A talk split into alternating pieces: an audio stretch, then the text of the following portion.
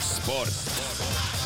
spordiminutid toob sinuni Unibet, mängijatelt mängijatele. Ott Järvela, tere hommikust! tere hommikust ja no loomulikult kõik tahaksid kohe hakata jalgpallist rääkima, aga veel ei saa. kõik tahavad hakata kohe jalgpallist me rääkima, see vastab tõele. me hakkame hoopis korvpallist rääkima. no sellest ei taha väga rääkida Eesti inimesed väga, vaadates eilset äh, lüüasaamist, haledat lüüasaamist ei tea, kui paljud eile ennast magama nutsid. mõni Ma- võib-olla nuttis. ma ei usu väga, ma ei usu väga, sest eh, vaata, et noh, kui, et, et spordivõistluse tulemus läheks niivõrd väga hinge, et eh, ennast magama nutta ja ma täiesti kujutan ette, kuidas see on võimalik, siis peab sellel eh, konkreetsel võistlusel olema ka väga tohutu kaal aga sellel eilsel Eesti-Soome, vabandust, Soome-Eesti korvpalli MM-valikmängul seda tohutut kaalu vähemalt meie vaatevinklist tegelikult ei olnud. sest et ei sõltunud sellest mängust ju edasipääs või, või, või noh, midagi suuremat, see oli lihtsalt Eesti meeskonna vaatevinklist võetuna üks mäng. mitte midagi osa millestki väga palju suuremast, jah, ta oli MM-valiksarja üks osa, aga kuna selles valiksarjas Eesti šansid niikuinii on, on juba eelnevalt taandunud väga väikesteks või olematuteks, siis, siis ma arvan, et see kaotus nüüd niivõrd valus ei olnud, aga noh, seitsekümmend üks, üheksakümmend üks, kahekümnega kolki saada, ega see äh, hea ka ei ole. he, head tunnet ei tekita muidugi kellelgi ning kui vaadata seda, mida ka peatreener Jukka Toiala ja, ja mängijad eilse mängu järel nentisid, siis no, noh, eks nad nukrad olid muidugi, no, No no aga- ega kaotus on nõme, noh No no, see on, see on jah. nagu spordis alati nii. teisest küljest jälle noh, põhimehi ju ei olnud, eks ole, noh, Kotsarit See- ei ole, Raiestet ei ole praegu, et äh, samamoodi Trell Kriisa Ameerikas, ja, vabandusi leidub. ja, ja lisaks sellele noh, mis on, on see, et vaata, kui oli aeg ja see ei olnud väga ammune aeg, kui äh, Soome mängis Eestiga, no siis oli küsimus, noh, oli selles, et kui palju ka Eesti võidab. no et nüüd aeg on aeg möödas. ja no see aeg on tegelikult juba mõnda aega möödas Mm. olnud, et kui, kui Susijengi, soomlaste korvpallikoondise hüüdnimi on väga äge hüüdnimi, hundijõuk Susijengi. et eh, kui, kui nemad ikkagi äh, järjekindla tööga, nende eelmine peatreener Henrik Detmann, nad ikkagi Euroopa noh, kes tugevate keskmike sekka äh, tõstis ja, ja Eestist nad on mööda läinud selgelt. noh, aga tõesti üheksakümnendatel oli niimoodi, kui Eesti mängis Soomega, see oli tõesti küsimus, kui palju ka, kui palju ka täna paneme. nüüd on, nüüd on see olukord pigem vastupidi, et Mhm. Eestil Soome vastu võitu saavutada on ikkagi väga keeruline. nii et Eestil MM-valiksarjas kaks võitu, kaheksa kaotust, kaks kohtumist on veel pidada, veebruaris mängitakse Sloveeniaga ja samuti Rootsiga aasta hakkab läbi saama, tennises on aastalõputurniirid, ATP finaalturniir on alanud. ja on alanud ja on alanud nii, et Rafael Nadal oma esimeses mängus kaotas äh, Taylor Fritzile kuus-seitse, üks-kuus. Novak Djokovic, kes on teises grupis, punases grupis, Nadal on rohelises grupis. Djokovic eile õhtul võitis, võitis Tsitsipast kuus-neli, seitse-kuus. nii et intriigi selle turniiri alguses on ja vaatasin ka Unibeti koefitsiente Nadali tänasele teisele mängule. täna, Nadal peab täna oma teise mängu, ta vastaseks on Felix Auger Aliassem, Kanada mängija ja Unibeti koefitsientide järgi Kanada mehel antakse selles mängus favoriidi staatus, selline kuuekümne, kuuekümne viie protsendiline ša- võidušanss antakse talle ja Nadal on seal outsider, nii et ja, ja siis selle, selle turniiri üks nüanss on siis see, et kui Rafael Nadal äh, seda äh, turniiri ei võida, siis lõpetab äh, tema teine hispaanlane Carlos Alcaraz tänavuse aasta maailma esireketina. et noh, selline väikene siis kõrval äh,, kõrval nüanss on sellel ka, aga ma arvan, et, et ähm, see turniir on väga tähtis Djokovic'i jaoks, kellel on selja taga ju noh, vastakas aasta, et tema kindlasti sooviks seal ennast väga selgelt näidata, kehtestada.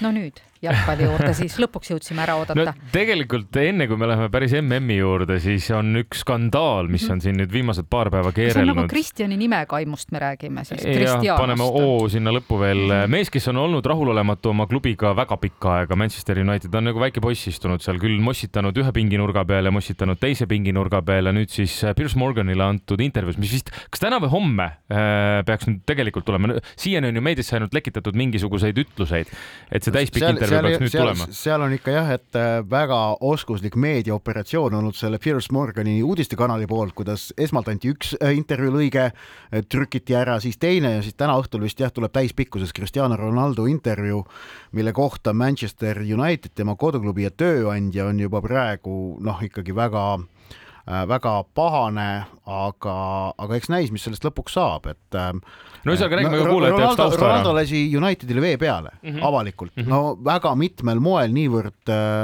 noh, niivõrd jõuliselt, kui peaaegu et mõeldav üldse on, kritiseerides klubi igast vaatenurgast. noh, Ronaldo pettumus Unitediga seisneb käimasoleval hooajal ennekõike asjaolus, et tema mänguline roll meeskonnas on kahanenud oluliselt ja, ja see talle paistab, et ei sobi.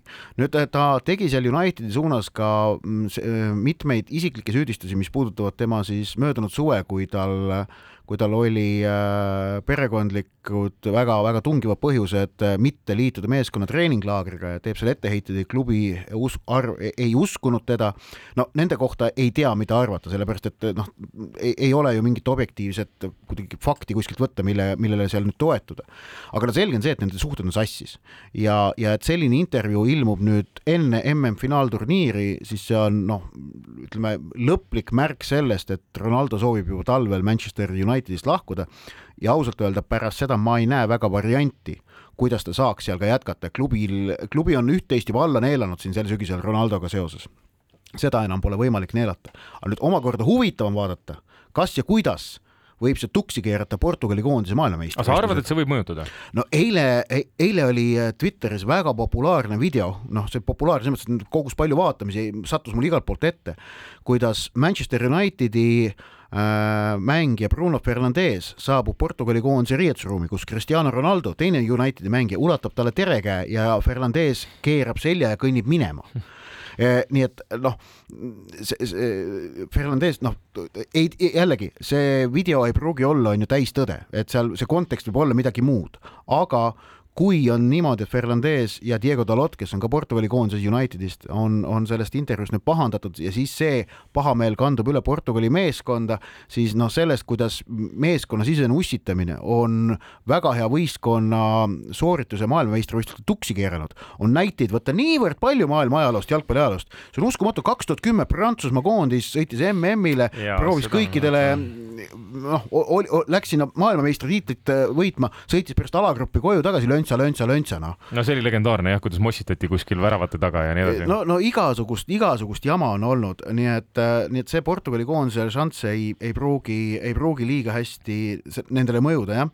aga, aga MM-iga seoses võib veel öelda, et siis äh, pühapäeval esimene mäng, Katar, Ecuador äh,, aga siin osad võistkonnad kes MM-il osalevad, jõuavad veel sel nädalal pidada mõne treeningkohtumise. ja see sõltub siis pigem sellest, et kellel veda, noh, kas vedas või mitte vedas, aga ühesõnaga, kelle loos andis neile alagrupi, mis alustab mängudega hiljem.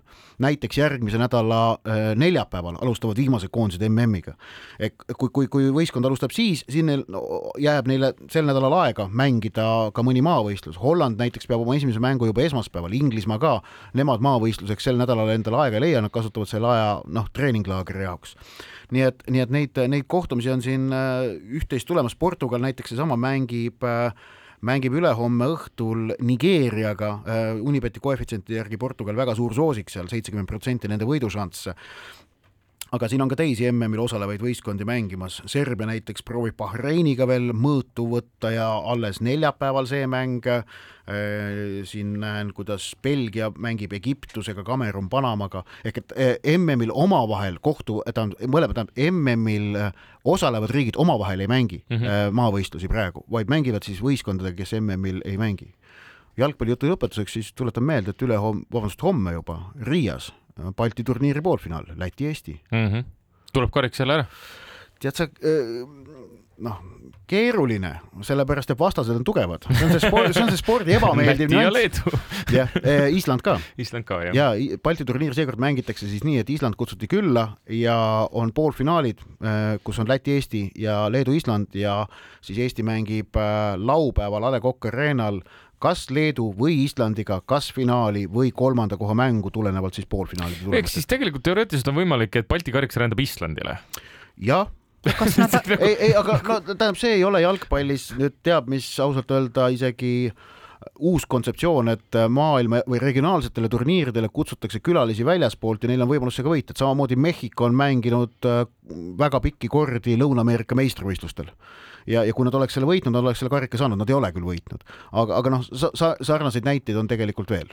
no aga mul ei oleks midagi selle vastu, kui Island ametlikult Balti riikide hulka arvataks pärast seda, kui nad võidavad ja siis oleks, saaksime rääkida Balti riikide kõrgemast vulkaanist näiteks ja sellised jaa, kahtlemata. sellega peab ja, ja karikaga võiksid kaasneda ka kohustused. on siis regionaalne hõlmamine jalgpalli kaudu on sinu ettepanek. just, just. aga, aga Ott, eh, sul on kohver pakitud, valmis minema? Eh, kohver veel pakitud ei ole. aga kohver on vähemalt ostetud? Eh, peaaegu reede hommikul on minek. väga hea, aga reede hommikul saad sa veel kiiresti ka Kuku kuulajatele ülevaate anda sellest, mis siis nädalavahetusel ees ootamas on, lisaks jalgpallile. just nii. aitäh Ott Järvele sulle praegu. Sport.